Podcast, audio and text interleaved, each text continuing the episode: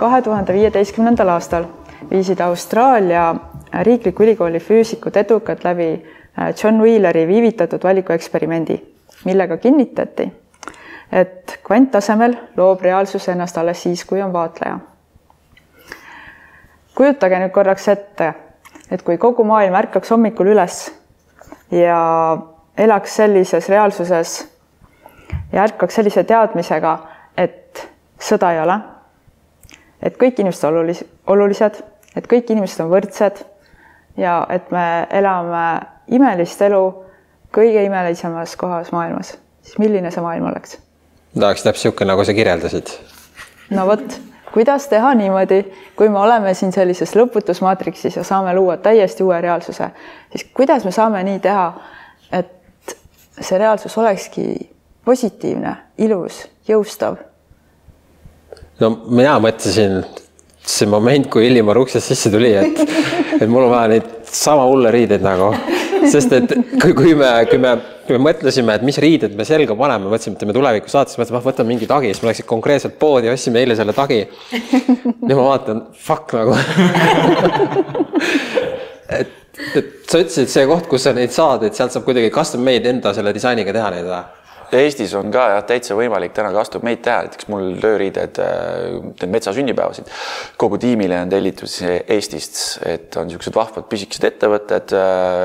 Wolfram on üks, keda ma väga nagu nii-öelda soovitan vaadata, et sa saad täiesti teha, et ma ei tea, ma armastan Eestit või isa või sa saad algusest lõpuni selle mustri ise välja kujundada ja nemad teevad ka siis sellise koguse, et kasvõi ühe kaupa, et siis saab nii-öelda võtta ja, ja seal lasime siis täiesti enda selle brändi nagu nii-öelda siis peale. ja too ei ole ka niimoodi, et ta võtaks sult nagu nii-öelda jalust maha, et, et sa tead, et mismoodi see värk käib, et äkki siis tulekski niimoodi, et äh, kuskilt sealt riigieelarvest, et kõikidele inimestele midagi somewhat sarnast nagu mõtle, kui terve linna täis inimesi, kõik käivad niimoodi ringi, ma arvan, et ainult kõik naeraks nagu, see oleks jõhker nagu. ja see kindlasti aitaks ma... selle naeratuse näole tuua, et kõik ei ole nii mornid. ma võin teile kinnitada, kui me käime kuskil perega kaubanduskeskuses, me oleme kõik värvilised ja see toodab, tõesti toodab, naeratusi toodab, inimesed tulevad, ma olen näinud, kui morn eestlane tuleb ja mõtleb, et pagan, et palgapäev on vist nii kaugel, et ma ei tea, kuidas nüüd ja siis järsku ta näeb sind. Ta on alguses nagu kohmetu, mis ma nüüd tegema pean, siis avastab, et aa, mu näolihased teevad sellist asja või.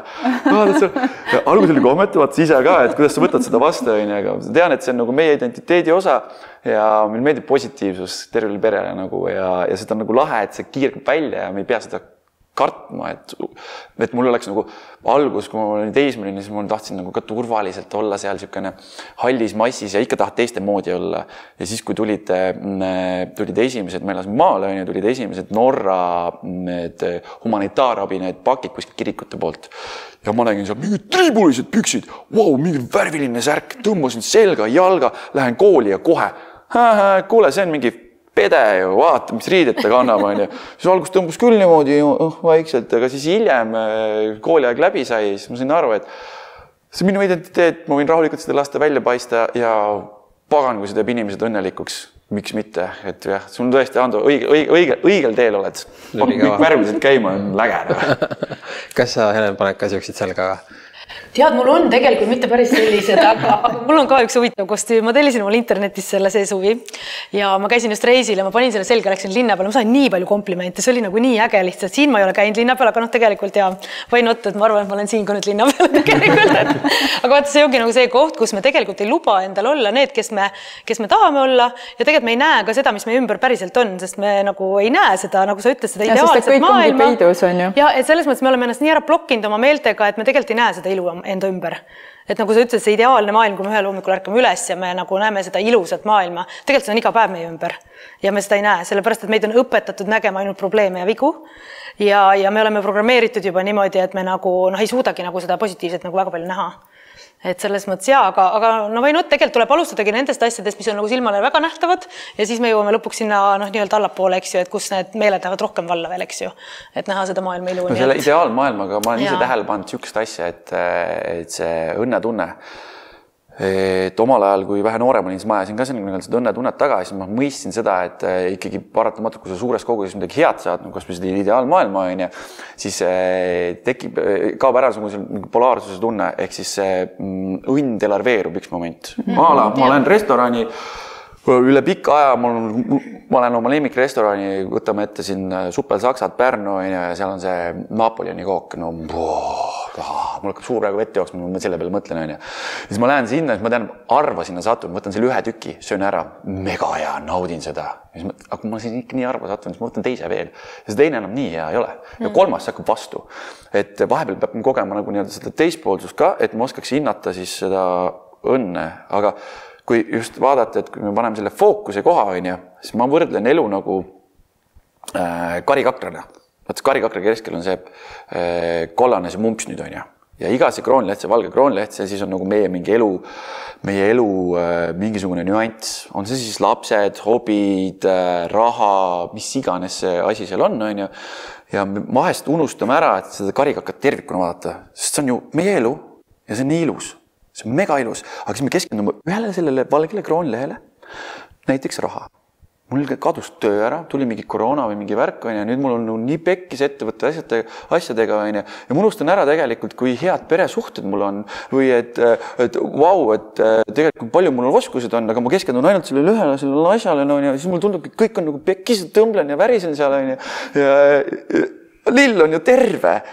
Ja ma olen, ma olen kuulnud lugusid, et näiteks oli üks sübavee sukelduja, äh, kelle, kelle elu eesmärk oligi siis sügavee sukelduja, tore elu, kõik asjad, firmad, asjad liikusid, seal oli, tal oli, elas nii kena elu, et ta sai sellega tegeleda. Ja üks päev siis tuli tal välja, et tal on südamerike, et ta ei saa enam sukelduda ja siis ta tegi enesetapu.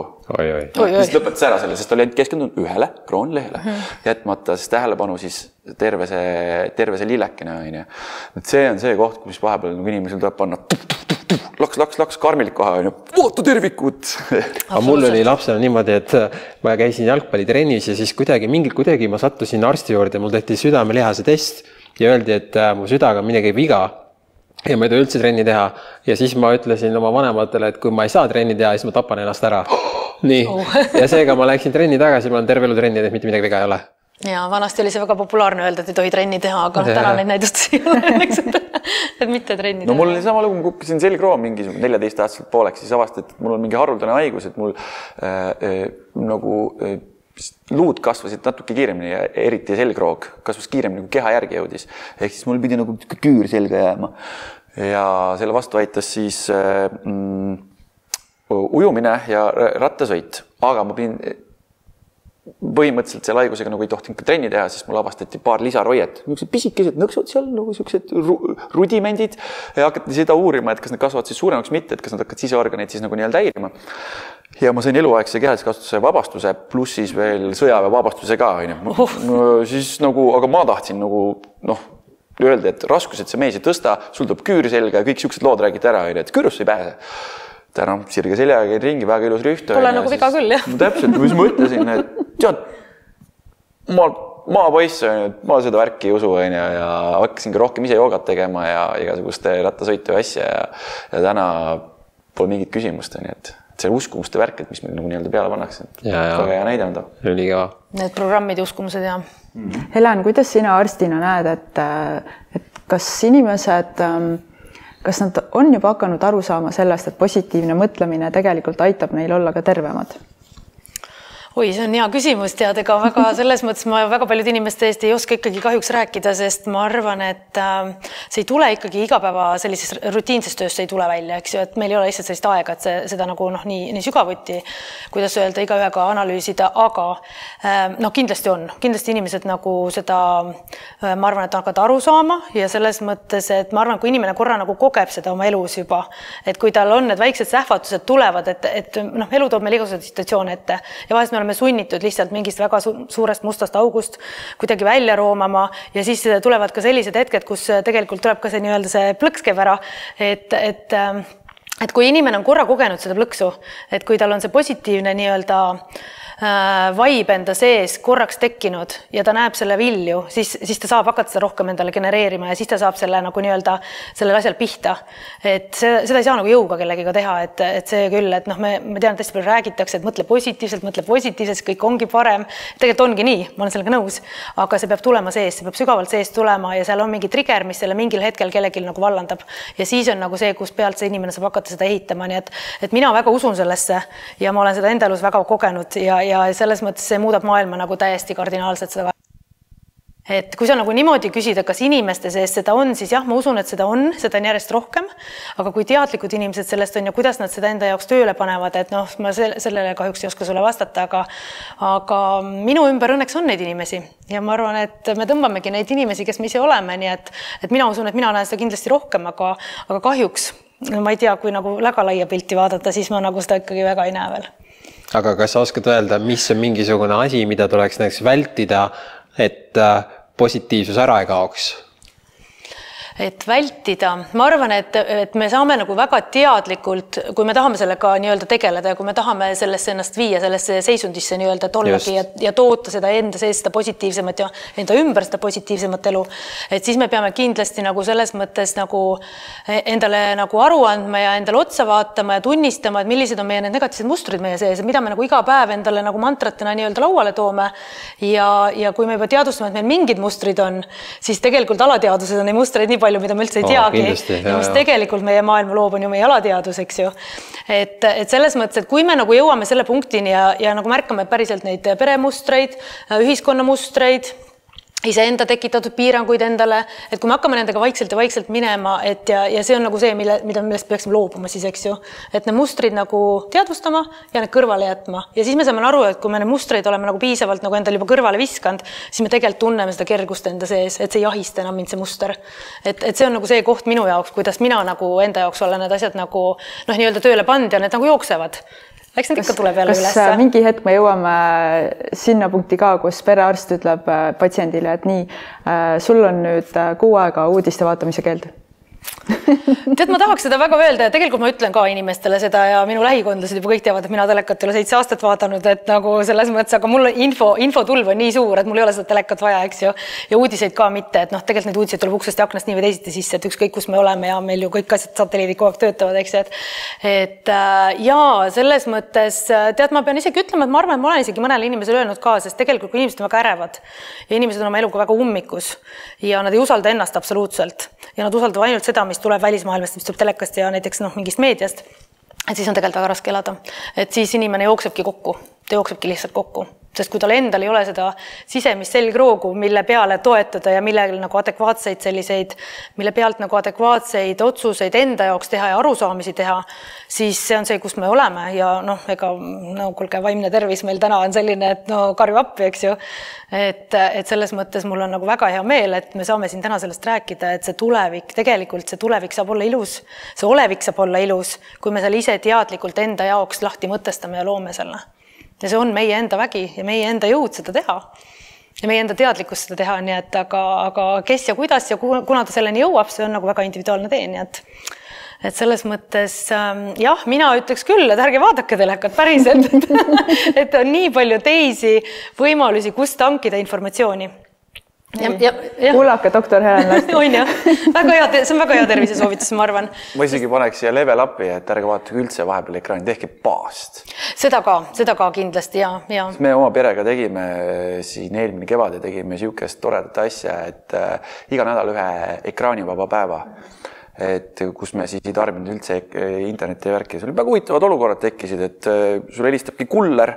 kuule, me nüüd tõime paki, aga ma ei saa telefonist nagu nii-öelda vaadata seda meili, sest meil oli niisugune kokkulepe ja siis sa, siis sa leiutad selle asja, et oo oh,, ma pean hakkama oma ajupotentsiaali kasutama. ah, mul on sõbra number, ma helistan sõbrale onju ja ütlen, et ta siis läheks mul naabrimehe juurde, et see võtaks siis paki vastu. ja, ja mis veel juhtus, oli see, et järsku, järsku avastad, et äh, nagu siin ekraanivaba päev on onju, järsku avastad, et vau, et noh, ma ise tegelen muidugi lastega palju rohkem kui võib-olla mingi keskmine Eesti isa, eks ju, et mul on see kvaliteet hästi oluline. aga siis avastad järsku, et oo, kuule, meil on siin mingid lauamängud mingi tolmukihi all, puhud maha või hakkad mingeid vestlusi rääkima naisega, millega pole ammu aega rääkinud, teed selliseid asju, kus kuidagimoodi nagu sind kogu aeg tühjaks imes, et see asi nagu nii-öelda ära võttis, et, et just see positiivne mõtlemine, et ma ise olen seda ka nii-öelda treeninud, et täna ma näen, et näiteks sotsiaalmeedias, Instagramis mul on päris mitu tuhat jälgijat, aga ma ise jälgin ainult sadat inimest, kes mind tõesti inspireerivad ja kuidagimoodi mulle midagi annavad. ja see inimeste tunnustamine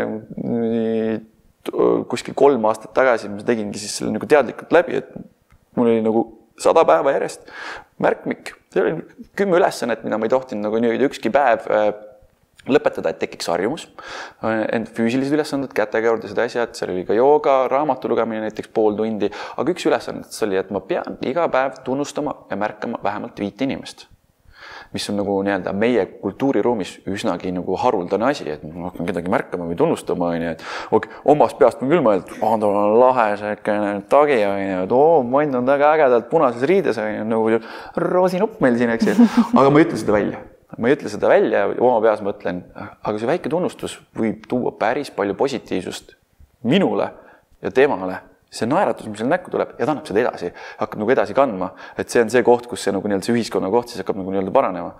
ja ma tegin pagan sada päeva niimoodi. Ja kui ma ei näinudki neid inimesi, ma läksin siis internetti ja kommenteerisin seal, võtsin esimese asja lahti, mingi sõber oli asjaga hakkama saanud, vägev, tubli, mõnus onju. ja see tõi nii palju seda vibe'i asja ja täna mul käib see täiesti automaatselt, ma võin võhivõõra inimese juurde minna ja vaatan talle siiralt silma ja näen, ütlen seda, mis ma näen vanasti mul kaasa oli, Kati oli siis, mida sa räägid siin teiste inimestega, kuidas sa võõra inimesi niimoodi. chill, vaata, mis juhtub, onju, siis näed, see inimene naeratab ja siis ta läheb, hõljub seal kuskil kaubanduskeskuses minema. jah, okei okay., LHV vennad onju, lähen juurde, muidu oh, mul on kiire või teistel telefonikõned, ma lähen juurde, surun käppu, ütlen, kuule, teete mingit roppu tööd mingit iga päev mingit võõraste inimestega peate kohtuma mingi naeratama ja värgid onju. kuidas teil läheb? Sa räägid nagu me, niimoodi kohe, vau, ja siis ta puistab teinekord oma südame ära seal, et kurat, ma olen nii läbi põlenud ja värgid on. otsustas õla peale, pole hullu, läheb paremaks, onju, ja, ja siis see nagu see, see loob ja loob ja loob ja siis näed, et tal tuleb ka see naeratus, tuleb ka, võib-olla ta ei lähe nüüd koju ja ei löö jalaga kassi, onju, või, või viib naisele äkki sellepärast nüüd lilled või, või siis see naine, kellel ma tegin ilusa kommentaari, et tal on kena kostüüm, onju, läheb koju, teeb mehele musu, eks ju, et et midagi sealt võib-olla ka juhtub, et kui sa oled enda elu positiivsemaks teinud, siis sa saad seda nagu nii-öelda edasi anda väikeste seennetega nagu väike. ja seda on inimesel veel lihtsam vastu ka võtta, kui tal on siuksed, kui sul on siuksed riided seljas, kes selle kommentaari nagu teeb. jah, täpselt, siis ei ole nagu ja, ja. Ando läheks, siis oleks kommionu või miski nii, aga Illimar, sa just enne rääkisid, et sa oled äh, nüüd oma läbi oma töö kokku puutunud seitsme tuhande, kaheksa tuhande lapsega, kellele sa oled siis sünnipäeva korraldanud metsas mm. -hmm. aga kuidas lastel selle reaalsusloome, loomega on või selle positiivse, kas, kas neil on nagu lihtsam elada seda ilusat elu mm? -hmm ma mõtlen just tänapäeval ka, et kui sa näiteks just viimased kaks aastat, kus tegelikult on päris stressirohke olnud lastele mm. -hmm Äh, mida mina, noh, mul on kuskil nagu lastega juba tegelenud niimoodi suuremas ampluaas, sest ma olin vahepeal ka olin lasteaedades olin müramistreener. Juba see juba räägib midagi, et nagu lapsi peab uuesti õpetama mürama. aga nüüd ma, mis ma näen nagu nii-öelda mustrid, et just selle vaimse tervise poole pealt, et justkui meil oleks nagu nii-öelda kõik see suhtlus vaba, aga need nutiseadmed võtavad mingi osa sellest suhtlust ära praegu, kui me räägime, sa näed mu keha miimikat, kuidas ma olen, kas ma olen vaba, pinges, mis iganes. ja sa loed seda kõike ja eriti veel lapsed, nad õpivad seda, põhimõtteliselt toimivad nagu peegelneuronitega, nad jäljendavad oma vanemaid kaaslasi ja seda kõike. ja nüüd järsku see on nagu ära võetud. Nad räägivad kuskil sealt, suhtleks küll kogu aeg, onju aga mingi osa on sealt ära lõigatud. Ja see on nagu üsna äh, valus. Ja kui me räägime fantaasia poolest või loovuse poolest, siis see on see, mida me seal metsas nüüd nagu uuesti ellu äratame nendel lastel, sest see tõesti hakkab kaduma. kui laps, mis, mis täna on nagu suur probleem, on see, et mm, ei lubata praktiseerida lastel igavust, sest meil on, me elame stimulantide ajastul, meil on absoluutselt kõik stimulandid käeulatuses.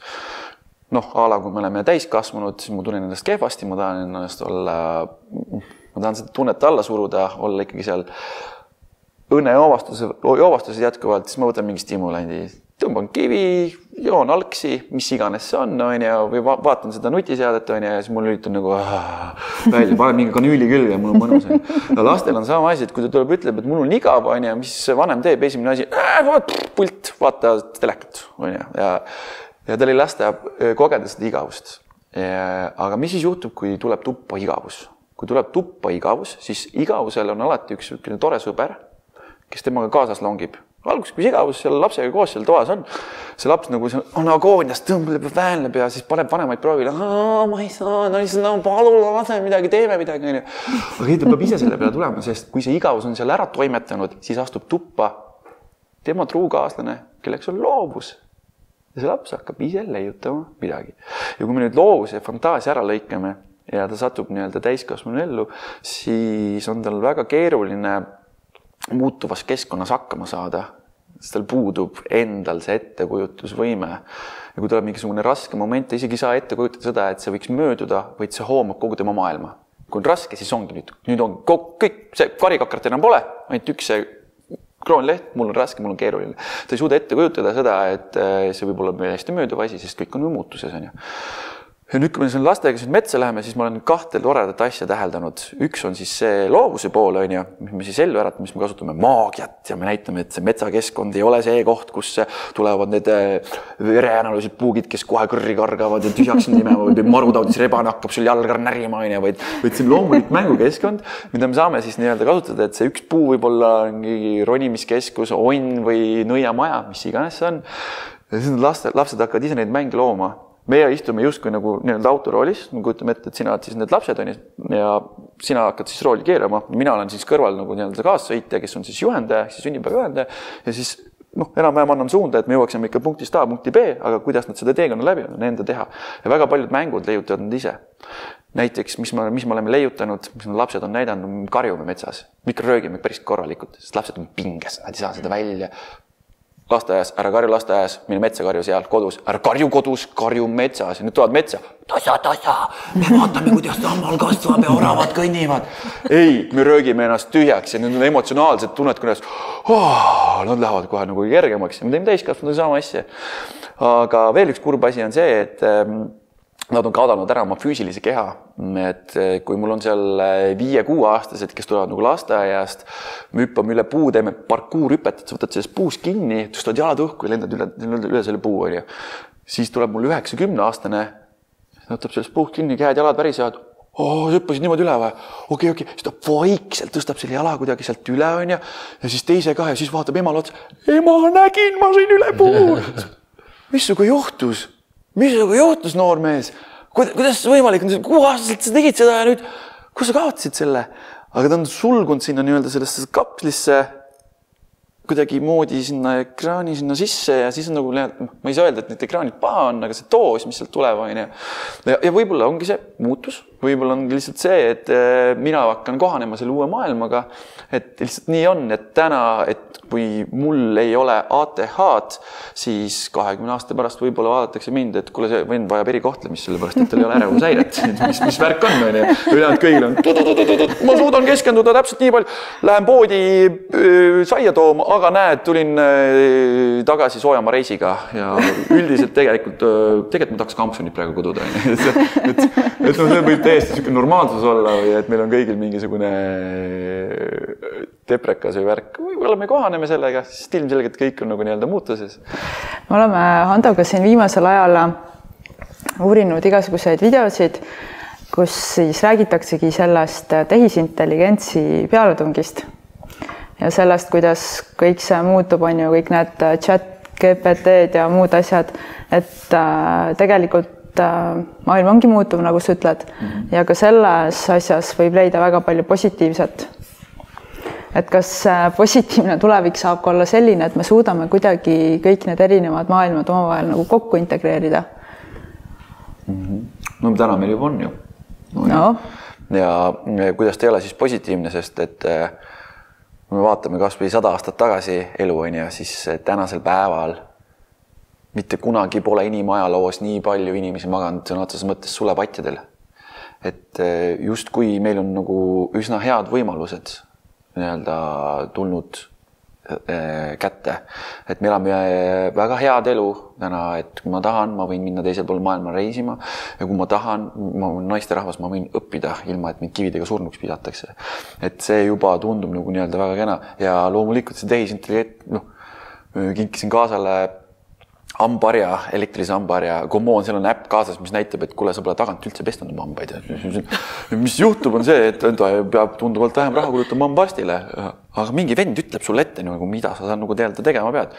okei okay,, ma lülitan selle ajuosa siis välja ma lugesin ühte toredat raamatut Ekraani aju, seal on nagu nii-öelda tore vaadata, et mis nagu nii-öelda toimunud on siis äh, IQ-ga, inimeste IQ-ga et kuidas see on nagu nii-öelda downgrade viimase kahekümne aastaga olnud, kui ekraanid on nagu nii-öelda rohkem siia sisse tulnud. et kui varem me pidime kasutama seda ajupotentsiaali, siis täna me oleme ühisteadvuses ehk kui mul on mingi küsimus või probleem, ma lähen Google'isse, vaatan sealt, saan siin info kätte, ma ei pea enam enda mälufunktsioone koormama, mis on mõnes mõttes ohtlik, sest mina pärinen ikkagi veel Tyrannosauruste ajastust, et mul on reaalselt oskused olemas. kui nüüd elekter ära läheks kaheks nädalaks siis ma arvan, et pool Lasnamäge vajuks kuskile siia Nõmmele onju ja hakkaks eh, siin möllama, seepärast et need vennad oskavad ahju alla tuld teha onju ja, ja, ja, ja äkki isegi mingid talveaurud kuskile sahvrisse pandud onju. siis eh, täna ma õpetan ka tegelikult oma tütartele seda, et eh, kui me läheme metsa, mis on loodus, sest alati nagu me oleme tagasi sinnapoole pöördunud. ja ma täiesti usun ka seda, et me oleme elanud omal ajal kõrgtsivilisatsioonis. täiesti suht-, täiesti usun seda, kõrgtsivilisatsioon mis ei jätnud ühtegi jälge. meil ei ole vaja ühtegi arheoloogilist kaevamist teha. aga kust sa tead, et ei ole jätnud jälge, sest et just vaata, Hando, sa just äh, rääkisid mulle, kuidas äkki, äkki meie ise kõik olemegi see jälg no, et äkki võimalik. kunagi on juba kõik jõudnud sinnamaale. sest vaata, kui mõelda niimoodi, et me üha rohkem hakkame ühilduma selle tehisintellektiga ja ühel hetkel kõik see, mis me loome virtuaalreaalsuses, läheb nii retsiks, et me ei oska vahet teha originaalil ja virtuaalreaalsusel. lihtsalt ütleme näiteks tuhande aasta pärast, ma ütlen, et siis on juba nii rets kõik, mis praegu areneb, et vabalt võib olla sellisel hetkel me olemegi saavutanud selle taseme, mis omakorda tähendab, et sellisel juhul äkki me juba oleme ühe korra selle varem saavutanud ehk siis see võib vabalt kõik ollagi simulatsioon juba ühe korra. see, see võib vabalt olla, üldse, kui me vaataksime kusvõi siis seda ajaloo selles nii-öelda vaatevinklis, mis juhtub siis nii-öelda kõrgtsivilisatsioonidega. et kui võtame kasvõi sumerid või, või, või võtame siis kasvõi äh, no inkad on ju, mis nendega siis juhtus, seesama asi, mis meiega täna juhtub, et kus ma näen, et äh, tulevik on hästi helge ja tore, et me tõesti elame harmoonias loodusega, et mis kõik märgid nagu nii-öelda jooksevad sinnapoole, on see, et nad said otsa. miks nad said otsa, seepärast et nad tarvitasid oma ressurssi liiga palju. Sumerid vaatasid Tigris, Eufrat, väga toredad jõed, teeme kõrb, kõrbesse põllud, tegid kõrbes põllud, ilusti niisutuskraavid ja kõik on kena, aga vesiaurustus ja jäi mineraalid jäid järgi, see oli kibesoolane, sai toit otsa. Nagu ei suutnud enam, enam neid miljoni linnasid enam pidada, kõmm, inkad, võtame vihmavetsa maha, mis juhtus? toimus niisugune värk, et selline väike äh, mussoonvihm jäi nüüd ära, onju, maa kõrbestus kõmm korras läinud, onju. et, äh, et see asi nagu nii-öelda, mis näitab seda, et me oleme nagu minu arvates, me oleme nagu kuskil juba lävel ja, ja, ja arvestades ka seda nii-öelda tänane seda tolerantsust või tole, tole, tolerantsust nagu nii-öelda, et me oleme kõik nagu tolerastid koos siin onju, mina, mina olen eesotsas onju. mul ei ole mitte midagi vastu erivärvilistele inimestele, mul mitte midagi vastu selles, et armastus on universaalne onju, et kas sa armastad oma lehma, eh, mees armastab meest või, või siis mida iganes onju, et see on universaalne, anna minna, küta minna ja siis, kui on nagu nii-öelda tehtud teadusuuringud rottidega ja vaadatud, et mis juhtub siis, kui rottide elu panna ideaaltingimustesse, et kui ongi kõrgtsivilisatsioon, nad ei pea mitte millegi pärast muretsema, justkui nagu meil oleks siis nii-öelda ai mõtleks meie eest, on ju, et mis siis toimub? Ja siis nad avastasid, et, et roti populatsioon muutusid homoseksuaalseteks, järeltulevat põlve ei tulnud no,. väga huvitav. ja siis nad tegid uuesti selle katse, midagi läks nihu, tegid uuesti selle katse. Ja lõid ideaaltingimused, põmm jälle ei tulnud järeltulevat põlve. ja nüüd, kui me vaatame kasvõi näiteks Põhjamaid demograafiliselt või näiteks noh, ma ei tea, Portugal, heaoluühiskond, Põhjamaad. mis toimub? meil on vaja nagu inimesi sisse tuua, sellepärast et rahvas vananeb, inimkond vananeb, meil ei ole, mul ei ole vaja, ma tahan tegeleda iseendaga rohkem, sest laste kasvatamine, mul on kolm last, see on ülienergiakulukas ressurss maailmale kui ka endale, see on väga energiakulukas ressurss, mul ei ole seda vaja, mul piisab ühest järeltulijast näiteks, noh, kui ma elaksin ideaalühiskonnas on ju, mul oleks tore, et keegi tuleb jõulude ajal külla ja kõik on ju, rohkem nagu ei tahaks, on ju. aga lõpuks selle jõuab ikkagi teed endi, on ju. ja ära. Ja kui me mõtleme näiteks, näiteks arvutitest on ju, et esimesed kaks, vaata, mis tegi, üks tegi Google ja teine oli siis need, mis hiinlased tegid, on ju, ja siis anti seal nagu paari arvuti, arvutusülesannet ja, ja mõlemad jõudsid nagu, äh, jõudsid nagu sinna punkti, kus äh, sorry, poisid, aga inimkond tuleb ära hävitada siis on nagu hästi. ja siis sa mõistad seda, et see kõrgtsivilisatsioon saigi olla harmoonias siis selle loodusega. et nad mõistsid üksteist ja võib-olla me teeme nagu, kui me oleme harjunud neid tsükleid tegema, neid tsivilisatsioonitsükleid, võib-olla me jõuame siis sinna tagasi. noh, praegu me ilmselgelt nagu selles harmoonias loodusega ei ela, mulle tundub mm. -hmm. aga Helen, kui rääkida meditsiinist ja tulevikust, siis mulle tundub, et sina jälgid sellist joont, et see meditsiin võiks jõuda sinna, kus ta ei ole enam nagu see tagajärgi likvideeriv, vaid ta on just ennetav, et sa noh, ei käi arsti juures nagu siis, kui sa oled selles viimases hädas, vaid just selleks, et sul ei juhtukski mingisugust no jaa, vaata, kui te nüüd räägite siin sellest kõrgtsivilisatsioonist ja kõigest, et me võiks ju täna olla juba nii targad, eks ju, et meil on nii palju tegelikult seda baastarkust olemas, mida me saaks ära kasutada iseenda heaolu nii-öelda parandamiseks. et jah, sul on õigus, et me kustutame tulekahjut, nagu sina ütlesid ja nagu sina ütlesid, on ju. ja, ja mina sain sellest ka väga ruttu aru, kui ma ikkagi nagu nii-öelda reaalselt tööle läksin ja, ja mina otsustasin, et ma ei taha tulekahjudega nii palju tegeleda, ma pean sellega tegelema, ei pääse sellest. aga ma tahan minna sügavamale, ma tahan minna sinna, kus ma näen, et asju, kus asjad lähevad nagu valesti et no tavaliselt ju nii, et asjad lähevad ikkagi mingit teed pidi ja siis hakkab kuskil kas alla minema, risti minema, vasakule-paremale, mis toimub meie keha sees, eks ju. et ja siis äh, noh, ega see ongi, et see tulebki nagu nende teadmiste kogumiga kokkupanemisega ja, ja mina olen tõesti võtnud nagu selle selle, kuidas öelda, enda teadlikkuse ja oma otsuse enda sees juba, ma ei tea, ma arvan, üks üle kümne aasta tagasi, et et ma teen vähemalt nii palju kõike võimalikku, et säilitada seda inimese normaalset füsioloogiat, et säilitada see, et inimese keha töötaks, funktsioneeriks nii, nagu ta peaks töötama ja noh, kui on vaja tagajärgedega, siis tuleb tegeleda, aga jah, et et ma väga-väga ootaks seda, et see meie meditsiin, nii-öelda meditsiin, et noh, tegelikult ma ei tea, kas see on meditsiin, see ei ole meditsiin, see on lihtsalt tegelikult inimeste terviseteadlikkus ja tervise heaolu on selle nimi, eks ju. et noh, miks meil on Tervisekassa meil on Haigekassa, et meil nagu väike juba mingi nihe hakkab kuskile poole nagu nagu toimuma, eks ju, aga noh, et piltlikult öelda. aga et see sisu, see sisu, et see sisu peaks nagu järgi tulema, et see sisu täna noh, ta paraku ikkagi venib ikka väga sinna. kas nüüd on Tervisekassa tehtud või? no tead, ma ei ole väga kindel, aga seal on kaks nime hetkel, nii et. haige ja Tervisekassa. jah, et need on kuidagi, see on mingi transformatsioon toimub seal ka, eks ju, nagu noh, kõikides asjades meil, eks ju. et nagu üritatakse nagu, kuidas öelda, nagu näiliselt midagi nagu kuskile suunata nagu nii-öelda positiivsemas suunas, aga, aga noh, selleks on vaja, et sisu järgi tuleks, et peaks tegelikult alustama sisust ja siis, kui see sisu on nagu selline, mis nagu õigustab seda nime, et siis võib-olla võiks selle nime ka peale panna, et noh, see on nagu maitse küsimus, et kumb siis enne on, eks ju. aga noh, võib-olla see ikkagi motiveerib inimesi natuke tervemalt mõtlema, nii et noh, et me nagu noh, noh promo, promome tervist, eks ju. et mina olen küll nagu hästi seda, seda meelt olnud kogu aeg, et ma nagu, nagu tahan jah, selle tervise nagu noh, pigem säilitada ja seda tervist noh, parandada et mind on elu viinud nagu sellistesse kohtadesse ja sellistesse, sellistesse, kuidas öelda, koolidesse, elukoolidesse et, et ma olen nagu tegelenud just selle nii-öelda normaalse ja selle patoloogiaga kogu aeg nagu käsikäes. ja mul on nagu hästi-hästi südamelähedane olnud see, et ma nagu äh, tahaks nagu pakkuda kõigile seda, et, et see normaalsus nagu, see inimese normaalsus lihtsalt nagu oleks nagu, kuidas öelda, olekski nagu see, mille, mille, millest nagu hoida kinni ja millele nagu siis juurde panustada. et ma ei tea, kui ma nüüd seda nagu selle, selles mõttes väljendaks võib-olla niimoodi et ja et mul on olnud võimalus õppida igasuguseid huvitavaid asju ja ja mida meie tänapäeva nii-öelda teadus ja tegelikult äh, teadmised võimaldavad, on ju, ju kolossaalsed selles mõttes, et et me saame tegelikult kõiki neid äh, oma teoreetilisi teadmisi, mida ma kolmkümmend aastat tagasi ülikoolis õppisin, tegelikult need on kõik täna võimalik nagu nii-öelda panna lauale, anda inimesele valik, need enda, enda, enda sees nii-öelda ära testida ja saada endast nagu väga hea arusaam, aga noh, meie tavameditsiin sellega täna üldse ei tegele et, et ma olen jah, selline natuke, kuidas öelda, teistmoodi, teistmoodi mõtlev ja teistmoodi tegutsev, et aga ma usun, et sellel on väga suur tulevik, nii et noh, meil Eestis saab seda juba teha ja välismaal on igasugused sellised tervisekliinikud ja, ja, ja ütleme, sellised heaolukliinikud, kus siis saab, kas siis saab geenitestidest teha selliseid ülevaateid, et mis, mis meie kehas üldse on, mina näiteks olin väga üllatunud, kui mina enda geenitestid ära tegin, et ma sain aru, et ma peaks olema tegelikult selline saja kahekümne viie kilone,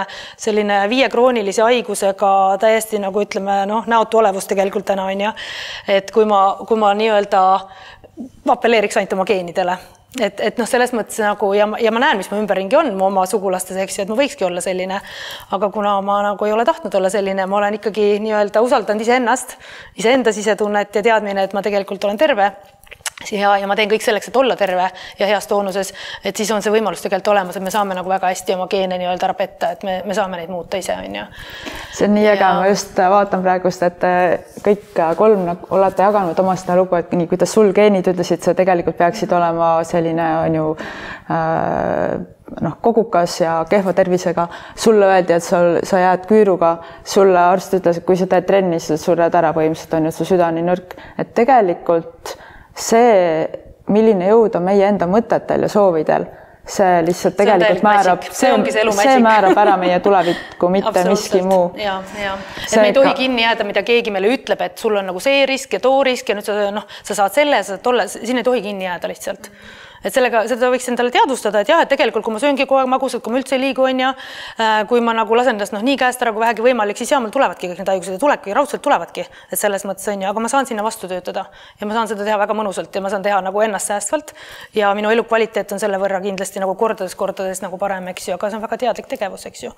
no mis siin kõigil nagu läbi kõlas, oli see, et meil, mida me täna väga ei taha teha, on, see on ka ebamugav, on vastutus. oo oh jaa, oo oh jaa. Mm -hmm. mina võtsin vastutuse enda keha eest, Ando, sina võtsid, onju, ja sul läheb samamoodi, et see toitumine asi, et et kui ma töötasin omal ajal öko toiduainete müügiga, siis oli nagu nii-öelda hästi lahe oli see vastutuse koht, et äh, aga kuidas see Coca-Cola siis ikkagi nagu nii-öelda kehvasti meile mõjub, et kui Eesti Toiduveterinaaramet ei ole selle kohta ühtegi määrust nagu kirjutanud või näiteks need pestitsiidijäägid, mis on nagu nii-öelda lubatud piirides siin toidus, toidus sees on ju. et jaa, et äh, siis nagu, nagu üldse nagu enda peaga ei pea mõtlema, et kas siin see minu vastutada, et ma sain vähi muidugi, sest kas sa sõid puhast toitu orgaanilist, kas sa magasid piisavalt, kas sa liigutasid ennast korralikult? ma pean kõiki neid asju tegema või? ma ei suuda, mul on oma elu ka. see ongi pagan sinu elu, sinu keha, kuule seda. et see on nagu lahe, et ja me jõuame sinna kohta, kus see vastutus tuleb tagasi, sest noh, mäletad. ja see peab tulema tagasi, sest see on ainuke viis välja. Hiina meditsiin ju kunagi oli niimoodi ju viis tuhat aastat tagasi juba oli, kui sa läksid Hiina meditsiini doktori juurde, siis doktor ütles, et oh, okei okay,, kuule, aga tead, lähed koju, kuus kuud, puhkad, sööd korralikult ja siis tuled tagasi, kui on veel vaegus, siis hakkab edasi vaatama, kas on nagu, millest see tuleb, onju. ja pst, minekut, siis täna võiks samamoodi olla, tulid selle doktori juurde, mingi jama on, ahah, ahah, okei okay., davai, mine koju, puhka ennast välja ära, siis seda scroll'i onju, seda negatiivset mõtet lase. mõtle senilt ja käi looduses onju ja siis vaatame edasi, mis saab ja et ma võib-olla lisaks selle siia, et kui sa enne rääkisid nendest puudest, et kuidas need puud üksteisele pakuvad nii-öelda seda nutrition'it või nii-öelda, eks ju, seda, seda baasi, siis tegelikult inimesed pakuvad ju täpselt samamoodi. vaadake oma perekonda, vaadake, kellega te koos elate, kes on, kes on teie vanemad, eks ju, et, et tegelikult see on täpselt sama asi. ja sinu asi nüüd vaadata, et kas see on sinule kasulik või see on sinu kahjulik, mis sulle sealt tuleb. sest noh, tegelikult äh, ütleme niimoodi, et ma ei taha olla pessimist, aga, aga me üldiselt nagu ei anna endale aru, et me ütleme, et oh, meie peres on alati nii tehtud, meie peres on alati neid toite söödud, meie peres on alati sellised traditsioonid olnud ja tegelikult ma ise noh, võib-olla ma ei sobi need onju. Ja just. Ja meie Eestis oleme alati nii teinud, et, et selles mõttes see on nagu see koht, et kus sa saad nagu teadlikult võtta endale vastutuse ja ütleda, kas see, kas see on see, mida ma tegelikult päriselt tahan, kas mu keha võtab selle üldse vastu? Ja kas, kas minu vaim, kas minu vaim saab sellest nagu toidetud, kas ma, kas ma muutun kuidagi, kas see annab minu elu mingi positiivse kvaliteeti, eks ju, kui ma seda teen. et, et need on nagu need küsimused võib-olla, mida peaks endale esitama ja siis nagu ongi lihtne, et, et siis saad aru, et mis on sulle hea ja mis sul ei ole hea, et, et, et see, mis on hea, võta, tõsta ennast ülespoole ja see, mis ei ole enam, on aja ära elanud, siis las ta jääb sinna, onju et, et me nagu hästi palju sõltume tegelikult oma ümbrusest, et täpselt samamoodi ja me elame selles ühisväljas tõesti, nagu sa ütlesid, et, et me pigem võtame sealt üle, kui me ise võib-olla genereerime midagi uut ja oleme loovad ja, ja selles mõttes tõesti, et nagu pakume midagi asemele. et see ei ole see, et peab tühjus jääma alati, et sul on võimalus midagi uut asemele pakkuda ja. aga see on nagu ju hirmutav, seepärast et see on muutus ja me ei taha sellega kaasa minna. ja, ja, ja see on vastutus ka tegelikult, vastutus, vastutus ka. enda ees ja vastutus ka noh, teised ei pea üle seda võtma, me kunagi ei sunni kellelgi midagi tegema. see terve perekond, ma mäletan aga, seda, kui ma seitse aastat liha ei söönud, siis oli niimoodi, et äh, ikkagi seal toimus näidispoomine, et kuule, mis toimub, onju. aga noh, see oli niiviisi kaks aastat, sest see on nii tugevalt ju noh, no selles traditsioonis sees. ja siis ma mõistsin seda, et jah, et ega toksilisus võib olla igal pool, et tuleb jälgida. absoluutselt. et ja. mis sõpradega asjadega mm -hmm. nii-öelda toimetada. nii, aga tõmbame nüüd otsad kokku ja armsad vaatajad, mida siis siit saatest praegu kaasa võtta? võttagi kaasa seda, et meie siin ühiskonnas oleme justkui see seeneniidistik, me oleme kõik üksteisega ühendatud ja kui sa tahad, et tulevik muutuks positiivsemaks, mida me ju kõik tegelikult tahame, siis äh, sa pead alustama iseendast, täpselt nii nagu kõik need kolm inimest siin minu kõrval võtsid vastutuse enda elu eest enda kätte ja tegid enda elu positiivseks. Ja uurige, kustkohast saab selliseid kostüüme ja sest, et siis nagu te panete teistel, teistel näo naerutama. jah, Mann, sa võtad ka ikka vastutuse onju? jah. jah, tubli, mitte ainult meie poole. meil on neli vastutust. aga ma võtangi tänu sellele, et te nagu siin aitasite, inspireerisite aitäh Alright. ja järgmise korrani. tšau.